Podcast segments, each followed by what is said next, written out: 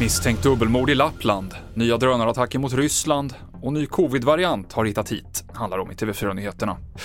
Ja, två kvinnor hittades döda i en bostad i Kiruna-området igår kväll och enligt uppgifter till TV4-nyheterna så misstänks de ha blivit mördade. Vi söker polisen för en kommentar kring det här.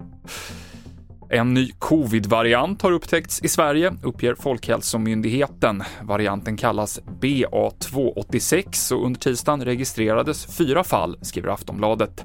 Folkhälsomyndigheten ser i nuläget ingen koppling mellan de fallen och utlandsresor. Under morgonen presenterades Migrationsverkets nya generaldirektör och det blir Maria Mindhammar, nuvarande generaldirektör för Arbetsförmedlingen, som får uppdraget. Och migrationspolitiken är viktig i Tidöavtalet, inte minst för Sverigedemokraterna. Vi minns ju Björn Söder som gick ut och sa att eh, det är dags att städa upp i myndighets-Sverige, bort med asylaktivister från verket.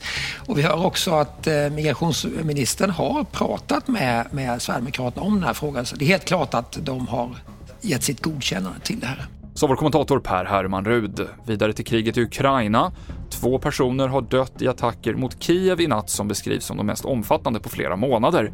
Samtidigt uppger Ryssland att drönarattacker har skett på flera platser i landet, bland annat mot en militärflygplats.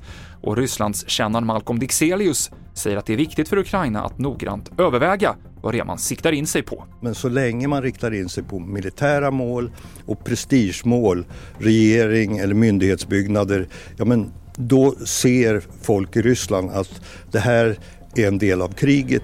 Annars riskerar man bara att det får liksom omvänd effekt om man skulle rikta in sig på civila mål. Till sist fotboll. Nu klockan 12 presenterar Janna Andersson landslagstruppen som ska EM-kvala i september mot Estland borta och Österrike hemma.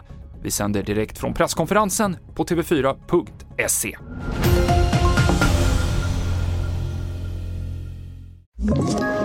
Ett poddtips från Podplay. I podden Något Kaiko garanterar östgötarna Brutti och jag, Davva, dig en stor dos skratt. Där följer jag pladask för köttätandet igen. Man är lite som en jävla vampyr. Man har fått lite blodsmak och då måste man ha mer. Udda spaningar, fängslande anekdoter och en och annan arg rant. Jag måste ha mitt kaffe på morgonen för annars är jag ingen trevlig människa. Då är du ingen trevlig människa, punkt. Något Kaiko, hör du på Podplay. Därför är gardinerna.